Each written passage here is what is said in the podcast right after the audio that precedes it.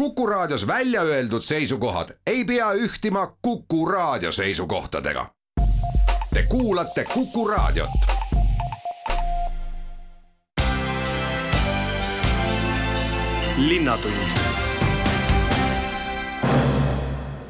Tere, viis esimest intervjuud tulevad sellest, mis praegu kõigil meelele keelel ehk olukord Ukrainas, millele me mõtleme, millest me räägime, keda me abistame. võtame jutuks ka selle, millised on võimalikud arengud siin meie mail, kuidas ukrainlastele toeks olla ja viimane usutlus räägib eile kolmekümneseks saanud Tartu turvakodust. sõna saavad Häirekeskuse peadirektor, Tartu abilinnapea, Eesti Punase Risti kommunikatsiooni ja turundusjuht, Tartu Ülikooli teadusprorektor, kooridirigent ning turvakodu juhataja. juttu juhib Madis Ligi. häirekeskuse peadirektor Kätlin Alvela. riigi infotelefonile üks, kaks, neli, seitse võetakse ikka kõne, kui kusagilt mujalt informatsiooni ei saa. kuidas praegune olukord Ukrainas teie kõnedes ennast tunda annab? Jah, tõepoolest riigi info telefoninumber üks kakskümmend neli seitse äh, käivitasime siis äh, kahekümne neljandast veebruarist ka äh, selles osas, et jagada elanikkonnale siis informatsiooni, mis toimub seoses Ukrainas toimuvaga. Ja selle nädala aja jooksul on meie poole pöördutud peaaegu kaheksasada korda, nii et kaheksasada kõne on olnud, pooled nendest on venekeelsed kõned, pooled eestikeelsed kõned ja, ja see, mis inimestele muret valmistab, äh, on, on kõik selline päevakajaline ehk et kuidas, äh, kuidas Eestisse siseneda, kuidas Ukrainasse saab minna appi, kuidas saab annetusi teha, kuidas saab põgenikke abistada, kuidas korraldatakse majutus ja muud teenused inimesteni, nii et kõik dokumentidega, Covid reeglitega seotud küsimused on need, millele meie operaatorid igapäevaselt vastavad Need kõned tulevad ikka siit Eestist või helistatakse ka kaugemalt, et tahame Eestisse tulla, küsitakse juhatust? Tulevad ikkagi äh, siit äh, Eestist või, või samas noh, kui nad tulevad mobiilinumbrite pealt, siis, äh, siis ükskõik kust, kust nad tulevad, me ei oska täpselt öelda, aga, aga küsitakse just jah, et kuidas Eestisse tulla, kuidas saab, kuidas dokumentidega on, kuidas reeglitega on, nii et igalt poolt neid kõnesid meile tuleb ja meie jagame siis Eestis toimuva ja kohta informatsiooni. Mida tähendab see kaheksasada kõnet, kas see on suur kasv või mitte eriti? Tegelikult äh, saan öelda niimoodi, et kui me käivitasime riigi infotelefoni üks, kaks, neli, seitse kaks aastat tagasi seoses eriolukorraga, siis sinna tuli äh, esimestel ööpäevadel kohe kahe, kaks tuhat, kaks pool tuhat kõnet ja jäi sinna tuhande kõne ringi. ehk et kui vaadata üldse näiteks eilset kuupäevagi, esimest märtsi, siis, äh, siis kokku siis riigi infotelefon vastaski seitsmesajale kõnele ja kolmandiku sellest moodu-, moodustasid siis ütleme Ukraina sõjaga seotud küsimused, nii et eh, tegelikult ei ole see meie mahtusid arvestades märkimisväärne tõus, et eh, saame väga kenasti hakkama ja eriolukorra alguses oli olukord eh, meie jaoks palju pingelisem kuid selleks, et vastata, peab olema informatsiooni. kas suhtlete sellel pinnal ka oma Ukraina kolleegidega ehk kust te teavet ammutate? kõik see informatsioon, mida Riigi Infotelefon välja annab, on see riiklik informatsioon, mis Eesti riik siis läbi Riigikantselei äh, kommunikatsioonis kasutab ja teised äh, riigiasutused, ministeeriumid, ametid, ametkonnad peavad oluliseks ja vajalikuks siis inimestele edastada, siis täpselt see informatsioon häirekeskusesse jõuab ja seda riiklikku informatsiooni me ka vahendame, ehk et meil tuleb ka neid kõnesid, kus inimesed soovivad siis ühele või teisele nii-öelda libauudisele saada siis nagu kinnitust, et tegemist on libauudisega, kuidas tegelikult äh, riiklikud seisukohad on, nii et meie jagame äh, seda riiklikku informatsiooni, mida Eesti ametkonnad äh, soovivad inimestele edastada. üks on nüüd viirus, teine mõni torm, elektrikatkestus, kuid kuidas on mõjunud teie töötajatele see, kui sa pead informatsiooni jagama sõjaolukorra kohta ja sellele järgneva kohta? See on äh, väga keeruline, erakordne, niisugust kogemust äh, ei ole meil kellelgi siin kogu Euroopas olnud. Peame hakkama saama, saame hakkama ja oma töötajaid me toetame, leiame neile erinevaid võimalusi, juhiseid, toetussõnumeid, et, et kuidas saada hakkama siis nende väga-väga muserdatud kurbade kõnedega, mis meile tulevad, inimesed nutavad, kuidas siis meie oma töötaja teda parimal moel saab toetada, aidata ja kuidas ise pärast selliseid kõnesid ennast nagu säästa ja, ja edasi jaksata töötada, selleks on Häirekeskusel eh, terve rida erinevaid meetmeid kasutusel. häirekeskuse kodulehel seisab ka, et oodatakse appi vabatahtlikke. kas see on seotud olukorraga Ukrainas või see on selline tavaline üleskutse? Me alustasime vabatahtlike värbamist Häirekeskuse koosseisu siis kaks aastat tagasi koroonakriisi alguses ja, ja meiega liitus circa kakssada vabatahtlikku aga noh, elu näitab nii, et äh, alati kõigil ei ole võimalik tulla ja me täna näeme, et meil on ressurssi ja võimekust vabatahtlikke juurde võtta, siis äh, tõepoolest see üleskutse nii meie sotsiaalmeedias kui meie kodulehel on olemas, et me jätkuvalt äh, väga heal meelel võtame vabatahtlikke vastu, kes soovivad meiega liituda ja aidata siis informatsiooni edasi jagada ning siin pole vahet, millises piirkonnas inimene on? jaa, siin ei ole vahet, meil on keskused siis äh, Jõhvis, Tartus, Tallinnas, Pärnus. oluline on, et inimesel oleks keskharidus, oskaks suhelda eesti-vene keeles, teised võõrkeeled tulevad kasuks ja inimesel peaks olema Eesti kodakondsus äh, ja meie koduleheküljel saab ta täita lihtsa ankeedi. ankeedi, äh, ankeet liigub siis meie äh, häirekeskusesse ja siis juba meie oma töötajad võtavad ühendust, täpsustavad, kus inimene, mis iganes küsimusi siis seal vaja juurde veel on küsida ja kus regioonis inimene soovib tööd teha, nii et Tallinn, Tartu, Jõhvi, Pärnu, meie regioonikeskused ootavad vabatahtlikke. linnatund abilinnapea Mihkel Lees, kuidas on Tartu Raad otsustanud äh, Ukraina põgenikke aidata? Tartu linn on äh, Ukrainast äh, Eestisse saabuvate põgenike vastuvõtmiseks valmis ja tegelikult ju esimesed põgenikud on juba Tartus, on Tartus majutatud. ma räägin siis nüüd neist Miss Valentine'i võimlemisvõistlustel siia tulnud vanematest lastest ja, ja, ja, ja siis ka treenerist, kes küll ei tulnud siia sõjapõgenikena, aga paratamatult, kui olukord muutus, siis, siis Tartusse nad jäid ja Tartus nad nüüd vajalikku abi saavad nüüd järjest päev-päevalt palved Tartus leida siis peavarju, neid tuleb juurde me majutame inimesi praegu nii palju, kui me vähegi suudame erinevatesse Tartu majutusasutustesse, et neil oleks see siin olemine võimalikult väärikas, võimalikult mugav, et neid kannatusi neile jumala eest mitte juurde tekitada. Ja me oleme valmis ka selleks, et juhul, kui nüüd peaks tekkima olukord, kus meile satub, meile tuleb mitusada Äh, põgenikku päevas, siis äh, Turu spordihoone on valmis äh, mõne tunni jooksul võtma vastu kakssada pluss inimest, sinna on juba viidud madratsid, sinna on viidud voodipesu. me oleme arvestanud sellega, et seal tuleb tagada suurele hulgale inimestele toit, vajalik meditsiiniabi. ja oleme siis, siis valmis inimesi vähemasti esimesed mõned päevad ka seal suures mahus majutama, enne kui siis me leiame neile koostöös keskvalitsusega mugavama elukoha kas see tähendab seda, et Tartu linn kogub informatsiooni, otsib välja need kohad ja kannab ka kulud või on põgenike enda mure lahendada rahalised küsimused? kulude kandmine nüüd pikas perspektiivis, mis nüüd puudutab nüüd eriti erinevaid majutusasutusi, peaks olema kantud keskvalitsuse tasemel. küll aga eh, ei ole me siin mitte kuidagi ajanud praegu senti lõhki kõik inimesed, kes on tulnud, vaatamata sellele, et keskvalitsusega ei ole veel päris lõplikke kokkuleppeid, oleme me ära majutanud, et, et, et praegu on kõige tähtsam, et inimesed saavad aidatud. küll me pärast jõuame siis, siis vaadata, et, et, et kes siis täpselt selle asja eest maksab kas mõned Tartu või Tartu piirkonna firmad on andnud ka linnavalitsusele märku, et kui põgenikud tulevad, kui neil on vaja õpi- või töökohti, siis me oleme valmis?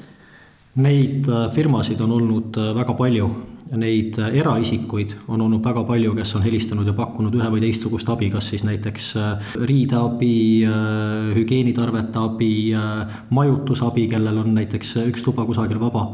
nii et, et, et me oleme väga tänulikud kõigile neile inimestele mis me nüüd tahame rõhutada selle abi pakkumise juures, et hästi oluline on see, et, et, et see abi pakkumine ja ka vastuvõtmine käiks koordineeritult selgete nii-öelda toimeliinide kaudu, ehk siis kui äh, inimesel on pakkuda äh, majutus äh, enda kodus või ettevõttel, siis tasub selle eest lisaks Tartu linnale anda teada kindlasti ka Eesti pagulasabile. Nende kodulehel on väga kenasti välja toodud selline veebivorm, kuhu siis on võimalik see info sisse kanda. ja, ja, ja kui siis näiteks sellist ainelist abi, siis, siis Eesti Punasele Ristile.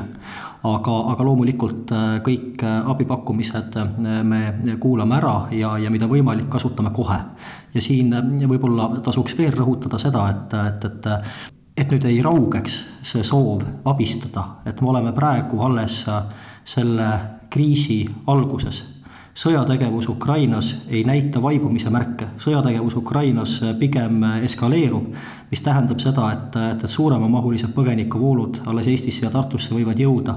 Ja siis on seda abi, mida võib-olla praegu on pakutud, aga võib-olla ei ole isegi veel vaja läinud, kahtlemata vaja see abistamise vorm tuletab meelde seda aega, see oli kaheksakümnendate lõpus, kui Tartu sõpruslinnas äh, tollases Leninakaanis äh, oli maavärin, siis tulid ka sealt äh, inimesed siia.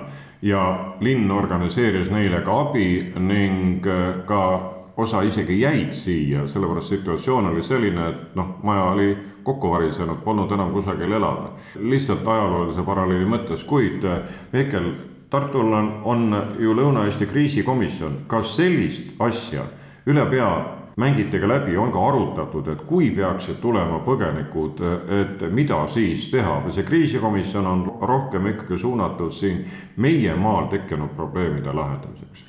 Loomulikult äh, Tartu linna kriisikomisjon on äh, seda, seda olukorda arutanud ja eks ju äh, kõik need sammud, mida teeb Tartu linn, niisiis koostöö erinevate Tartu majutusasutustega, ettevalmistus Turu spordihoone suuremahuliseks põgenike vastuvõtmiseks, et need on meil ju kriisikomisjonis, linnakriisikomisjonis läbi arutatud ja kui sa enne küsisid äh, selle kohta, et kui nüüd inimesed jäävad siia pikemalt ja, ja neil oleks vaja tööd teha ja, ja, ja, ja tööd, siis see on kahtlemata väga, väga tõsine väljakutse. on väga mitmeid ettevõtteid juba täna, kes on selgelt välja öelnud, et, et, et neil on võimekus, soov ja võimalused Äh, inimestele tööd pakkuda. ja siinkohal tuleb nüüd väga selgelt panna jällegi pead kokku ka keskvalitsusega ja panna kokku Töötukassaga äh, pead ja, ja mõelda, kuidas siis on vaja potentsiaalselt muuta siis ka Eesti regulatsioone, et need inimesed saaksid siin siis võimalikult kiiresti ja võimalikult mugavalt tööd leida ja, ja selle läbi siis ka Eesti ühiskonda sulanduda Tüve tänaval said valmis just Tartu uued äh, sotsiaalmajad. kas nüüd muutunud oludes äh, need äh, korterid, elamispinnad lähevad ikkagi tartlastele või hoiate ka põgenike jaoks? Tüve tänava kahes majas tõepoolest on mõned korterid, mis on veel täitmata. Neid ei ole palju, neid on, neid on tõesti mõned. ja me oleme kaardistanud nemad ära ka võimalike põgenike majutuskohtadena. küll aga esmaselt me proovime siiski põgenikud majutada Tartu majutusasutustesse ja me ju peame arvestama sellega, et, et, et ka meie enda Tartu ja Eesti inimesed vajavad abi ja, ja, ja meil peab ressurssi jätkuma nii enda inimeste abistamiseks kui põgenike abistamiseks. linnatund Ukraina teema läheb edasi Punase Ristiga ning äh, Eesti Punase Risti kommunikatsiooni- ja turundusjuht Liis Erminger on teavet jagamas. no sellistes olukordades nagu praegu Ukrainas on äh, abi läbi Punase Risti äh, sageli kohale jõudmas ehk see, mida inimesed on teile toonud, annetanud, jõuab tänu Punasele Ristile sinna. kuidas Eesti inimesed on praegu käitunud? Eesti inimesed on käitunud äh, äärmiselt lahkelt, et meieni on jõudnud, äh, meieni jõuab annetusi kõikjalt Eestist on äh, algatusi, eraalgatusi, kohalikud omavalitsused koguvad, piirkonnad koguvad, äh, mitmed seltsid, äh, korporatsioonid koguvad ja neid annetusi meie ladudesse praegu aina tuleb ja tuleb, et praegu on keeruline öelda, palju, palju on see lõpptulemus, aga praegu tundub, tundub, et me kindlasti ei räägi kümnest rekkast, vaid me räägime juba mitmekümnest rekkast et Eesti inimesed on olnud väga-väga lahked. kas ukrainlased on andnud ka teada, mida nad eriti tahavad ja mida teie siis äh, soovitaksite meie kaasmaalastele? ja me oma kogumisel lähtumegi täpselt sellest listist, mis Ukraina Punane Rist meile edastas. ehk siis äh, kõikvõimalikud hügieenitarbed ja voodipesu, tekid, padjad et äh, kui kogumist alustasime, siis, siis, siis oli see mõte, et seda jagatakse kohalikele elanikele nende kodudes. nüüd aga väga selgelt see vajadus on sisustada põgenikelaagreid Ukraina sees et just seda kogumegi, mida meilt on palutud ja ootame Ukrainalt nüüd uusi suuniseid ja uut abivajadust, et et võib juhtuda, et Ukraina ütleb, et nüüd on tarvis toitu ja siis vastavalt sellele juba alustame uut kogumisaktsiooni.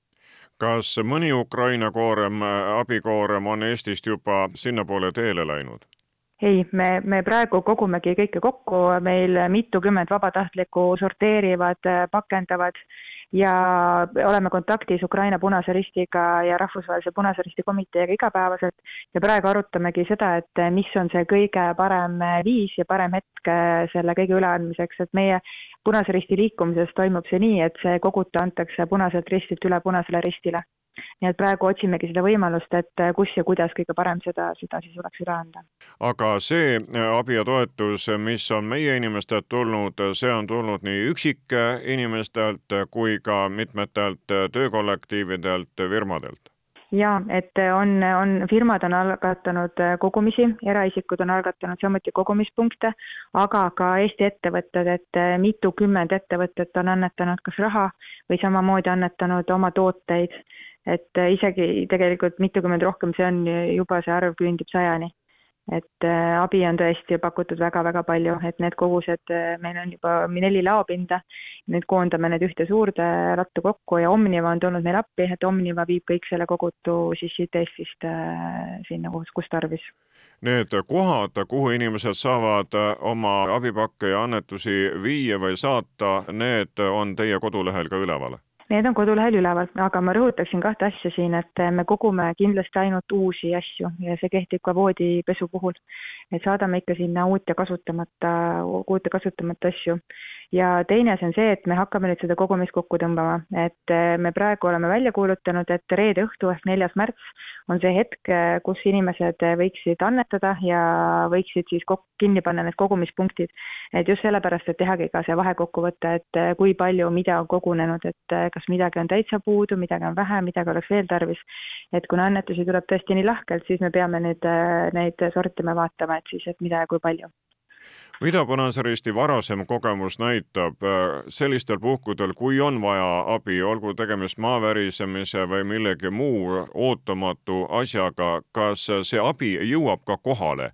arvestades äh, Putini käsualuste tegevust ja neid käske, pole see küsimus ülearune jaa, absoluutselt.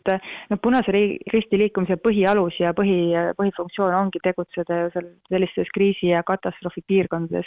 ehk see, need teadmised ja need kogemused on meil kõik aastakümnete jooksul äh, tekkinud ja olemas. et praegu Ukrainas tegutseb äh, neli tuhat punaristlast, neid võib-olla tänaseks on juba rohkem. Nad abistavad üle riigi eri paikades ja ka Venemaa poolel tegelikult äh, tegutseb ju Venemaa Punane Rist, kes abistab et see Punase Risti ristimärk peaks küll kõikide sõdijate jaoks olema väga selgel sümbol humanitaarabist ja abistajatest, kes ei vali pooli ja kes abistavad kõiki, kellel on abi vaja.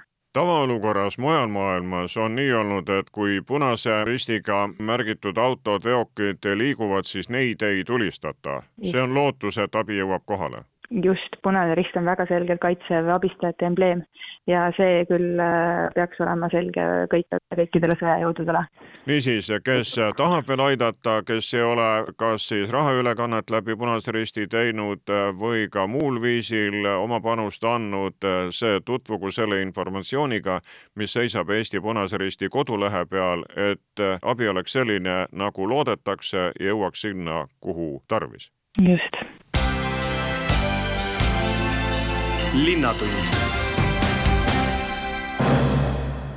Jätkan Ukraina teemat. Juba ülikooli prorektori Kristjan Vassiliga, sellepärast et ülikoolist tuli just ka teave selle kohta, et te asutate Ukraina tudengite toetuseks spetsiaalse toetusfondi. just täpselt, Tartu Ülikooli kohus on pakkuda sellel keerulisel ajal Ukrainast Tartu Ülikooli õppima tulnud üliõpilastele igakülgset tuge selleks, et nad tunneksid ennast siin noh, nii turvaliselt kui vähegi võimalik, arvestades asjaolusid ja et me saaksime võtta nende igapäevastest muredest maha need mured, mis, mis on meil võimalik äh, maha võtta. ja selle stipendiumifondi eesmärk on tõepoolest äh, tekitada olukord, kus nende toimetulek meie juures oleks äh, tagatud, oleks neil võimalik siin toime tulla olukorras, kus nende vanemad või lähedased, kes on sõjakoldesse jäänud, ei saa neid enam toetada. kas see tähendab raha väljakäimist või te teete neile mingeid soodustusi ja nad ei pea teatud asjade eest maksma? mõlemat, me anname välja stipendiume, me kogume raha praegu selleks, et et kokku panna täiendavad toimetulekustipendiumid, ühe stipendiumi suurus on on kuni kaks tuhat eurot, kui palju me välja neid saame anda, sõltub sellest, kui palju meil õnnestub äh, raha kaasata läbi äh, stipendiumifondi. ja teiseks, mida me teeme omalt poolt, me oleme juba astunud samme, et tühistada õppemaksud oma Ukraina päritolu äh, tudengitele, nii et mõlemad tegevused on, on olulised kui palju on Tartus neid, kes on tulnud siia Ukrainast õppima? Sada kolmteist äh, tudengit õpib hetkel Tartu Ülikoolis, kokku on meil äh, sada nelikümmend kuus Ukraina päritolu inimest, äh, need on siis kokku tudengid ja akadeemilised töötajad ülikoolid on ka siin oma avalduse teinud äh, selleks, et praeguses olukorras äh, oma suhtumist väljendada ja ka siis kutsuda inimesi kaasa ja nagu sa ütlesid, ka selle stipendiumi puhul on sõna kaasamine mängus ehk kõik need, kes on valmis ukrainlasi aitama, need saavad tulla ka sellele fondile toeks. Absoluutselt, Madis, kui küsitakse, et mida mina saan konkreetselt äh, selles suures-suures äh, kriisis äh, teha, mis minu väike nii-öelda panus on, siis kindlasti üks, äh, üks viis on osaleda, osaleda selles Tartu Ülikooli Ukraina üliõpilaste toetuseks loodud stipendiumifondi nii-öelda panustamises, siin saavad osaleda tegelikult kõik meie vilistlased, meie praegused inimesed, kõik, kes, kes tunnevad, et nad soovivad panustada kuhu peaksid need inimesed minema, millise lehekülje lahti lööma, kui nad tahavad annetust teha?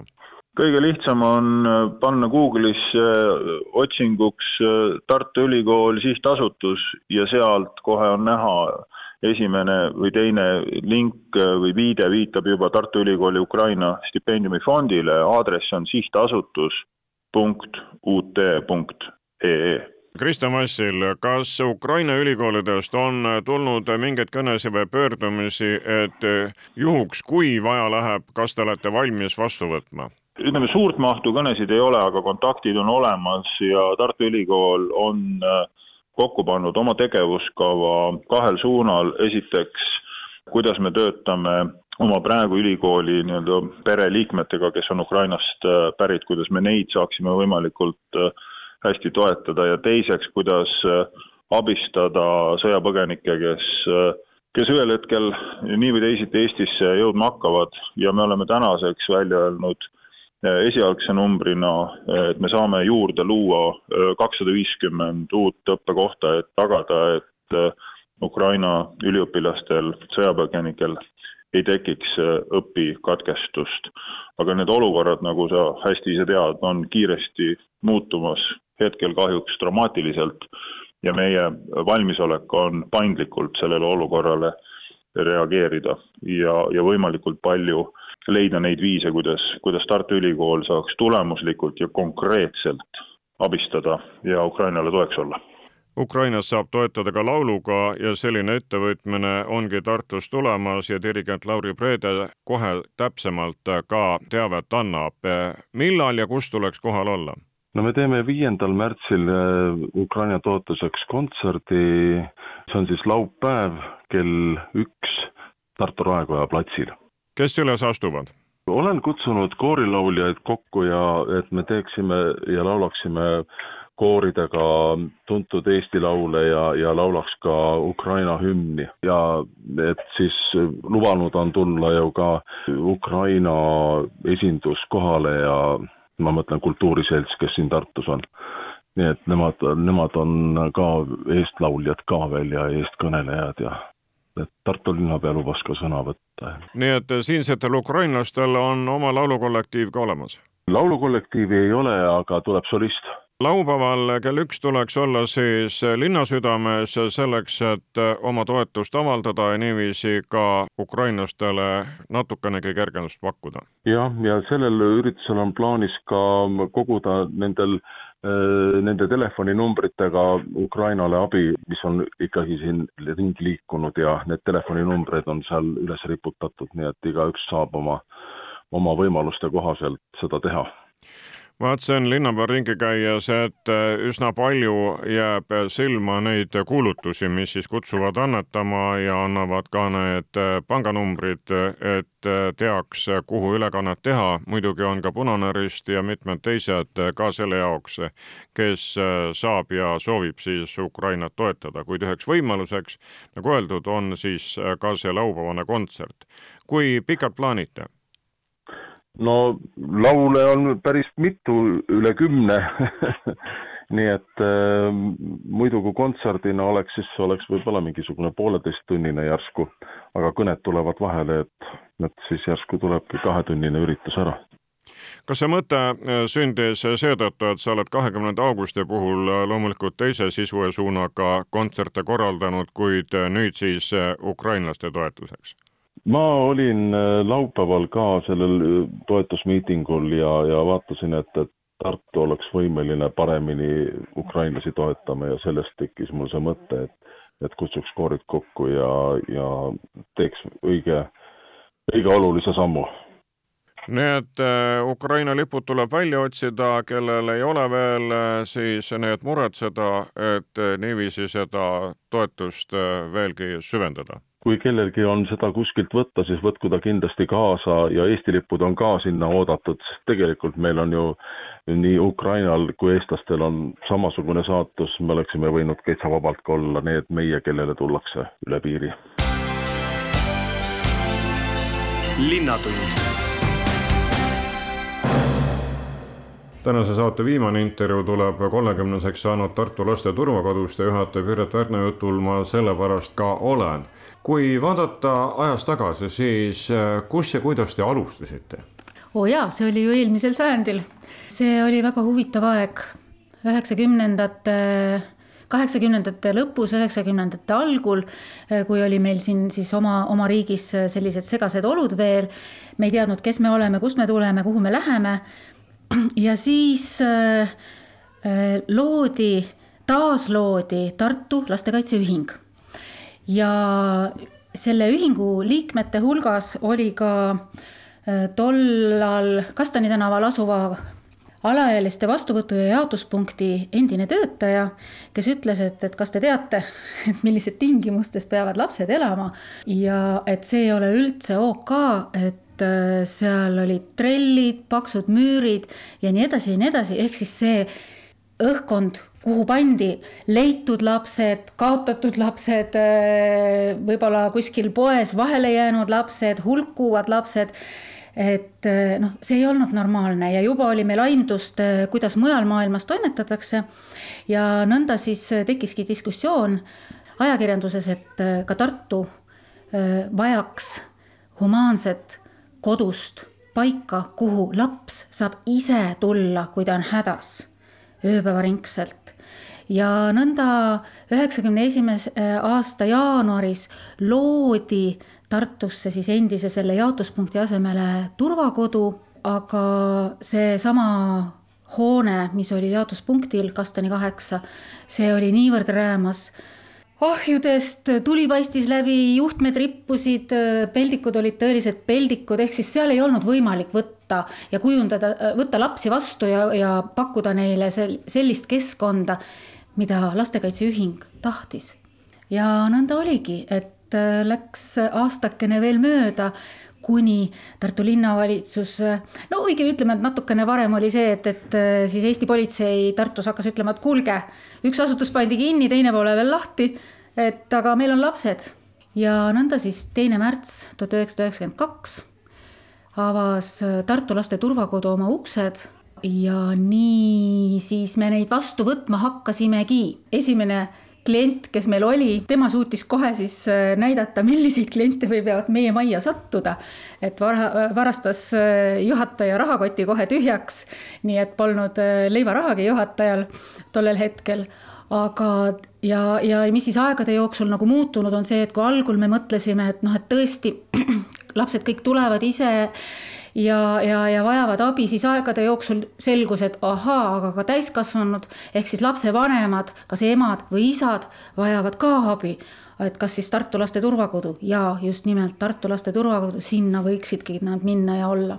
Praegu olete siin Tiigi tänaval ja kui meenutada neid intervjuusid, mida me oleme aastate jooksul teinud, siis tõesti, see ei ole olnud ainult Tartu Laste Turvakodu, siin on saanud ajutist peavarju pelgupaika nii need, kes on Vastilinnast pärit, kui ka kusagilt mujalt, ehk te olete abiks olnud tervel Lõuna-Eestile.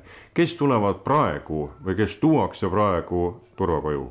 jah, see on õige märkus, tänasel päeval pigem tuuakse et kui alguses ikkagi üle poolte tulid ise, siis nüüd põhiliselt äh, satuvad lapsed meie juurde lastekaitsetöötajate suunamisel, koolide sotsiaalpedagoogide suunamisel või saatmisel. ja põhiliselt tänasel päeval on siiski endiselt äh, hooletusse jäetud lapsed ja vähesemal määral ka äh, lapsevanemad et noh, kuna Tartus on õnneks nii palju igasuguseid teisi teenuseid juurde tulnud, et siis lapsevanemate vajadus meie juures kriisiolukorras nii suur enam ei ole. ja noh, õnneks on ka naiste varjupaigad ju Tartus, naiste varjupaigateenus. mis eas need lapsed on, kes äh, siin tavaliselt on? põhiliselt on äh, algastekoolid ehk siis äh, esimene kuni võib-olla viies-kuues klass, selliseid noori on kõige rohkem no siis natukene ka eelkooliealisi ja vahel siis ka satub sekka eh, teismelisi ja, ja, ja suuremaid. kui kaua nad tavaliselt teil on? keskmiselt kaks nädalat kuni kaks kuud. on ka lühemat aega, mõni on kaks minutit ja on ka pikemalt kuni pool aastat vajadus olnud. kaks minutit? No see tähendab seda, et politsei toob siia, ütleb, et me teeme talle lapse ja siis laps laseb kohe aknast jalga, sest tema ei tahtnud siia tulla kas koroonaaeg on toonud turvakodule tööd juurde või mitte? peab ütlema, et ei ole juurde toonud, õnneks. tööd mitte, küll aga loomulikult seda hirmu ja, ja, ja, ja kõike seda, et noh, et kuidas hakkama saada ja sest äh, eriti eriti selle koroona alguse ajal oli see, et lapsed ju ei kuulanud täiskasvanuid ja, ja kui keegi ei tohtinud kuskil käia, siis nemad ikkagi arvasid, et nemad teevad, mida nemad tahavad ja, ja nad, nad öö, mööda linna ja mööda kaubanduskeskusi ja bussidega sõitmas ja siis noh, siis oli jah see, et, et hirm, et appi-appi, et nad käivad ja korjavad ja toovad meile me ei tea mida. aga õnneks on meil siiski väga hästi läinud, et meil on majas ainult Äh, eelmise aasta oktoobris oli paar last äh, haiged ja rohkem majas pole haigeid olnud ja, ja ka töötajatega oleme väga kenasti hakkama saanud, et, et ei ole kõik korraga haigeks jäänud. millal oli viimati see aeg, kui Tartu turvakodus olid kõik kohad hõivatud? aasta lõpupoole meil siiski oli jah et äh, meil enam ei ole kakskümmend kohta, et nüüd on juba paar aastat on meil viisteist kohta ja, aga seda ei juhtu tihti õnneks, et, et selles osas on ikkagi Eesti ühiskond väga palju arenenud, et on palju teenuseid juurde tulnud koolidesse, lasteaedadesse. et ja, ja igasugust erinevat ennetustegevust, et see on nagu väga, väga toetav olnud peredele ilmselt kas ette tuleb ka selliseid olukordi, kus teil ühtegi hoolealust ei ole, on ainult valvetöötaja? Jah, on, aga seda on tõesti väga-väga harva, et kõigi nende kolmekümne aasta jooksul võib-olla mingi paaril-kolmel korral ainult ja siis ka võib-olla paaril-kolmel päeval, mitte rohkem. Kuid äh, kolmkümmend aastat te olete olnud ja jätkate tööd, ükskõik kuidas need elud ja võimalused ei edene või ei ole, milline see olukord ka maailmas ei oleks, ikkagi sellist teenust, mida turvakodu pakub, paraku on vaja absoluutselt, täiesti nõus. Ja kui me oma sünnipäeva tähistasime, siis me just rääkisime, et, et ükskõik kui raske meil ka ei ole, kui rasked ka ei ole need lapsed, kes siia tulevad, kõik need olukorrad, et me ikkagi oleme ülimalt õnnelikud, et me oleme saanud selle kolmekümne aasta jooksul inimesi aidata, et meil on olnud see õnn sellesse maailma midagi head luua ja tuua. Ja, ja ikka oleme endiselt valmis ka edaspidistel aastatel sedasama tegema kallid kuulajad, täna rääkisid teiega Häirekeskuse peadirektor Kätrin Alvela, Tartu abilinnapea Mihkel Lees Eesti Punase Risti kommunikatsiooni- ja turundusjuht Liis Ehminger, Tartu Ülikooli teadusprorektor Kristjan Vassil, kooridirigent Lauri Preede ja Tartu Laste Turvakodu juhataja Piret Värno. Neid usutles Madis Ligi. Eelinfo korras seda, et nädala pärast on küsimustele vastamas Tartu linnapea, kui teil on Meerile pärimisi, siis kirjutage mulle madis.tartukuku.ee. aitäh kuulamast, olge terved! Linnatund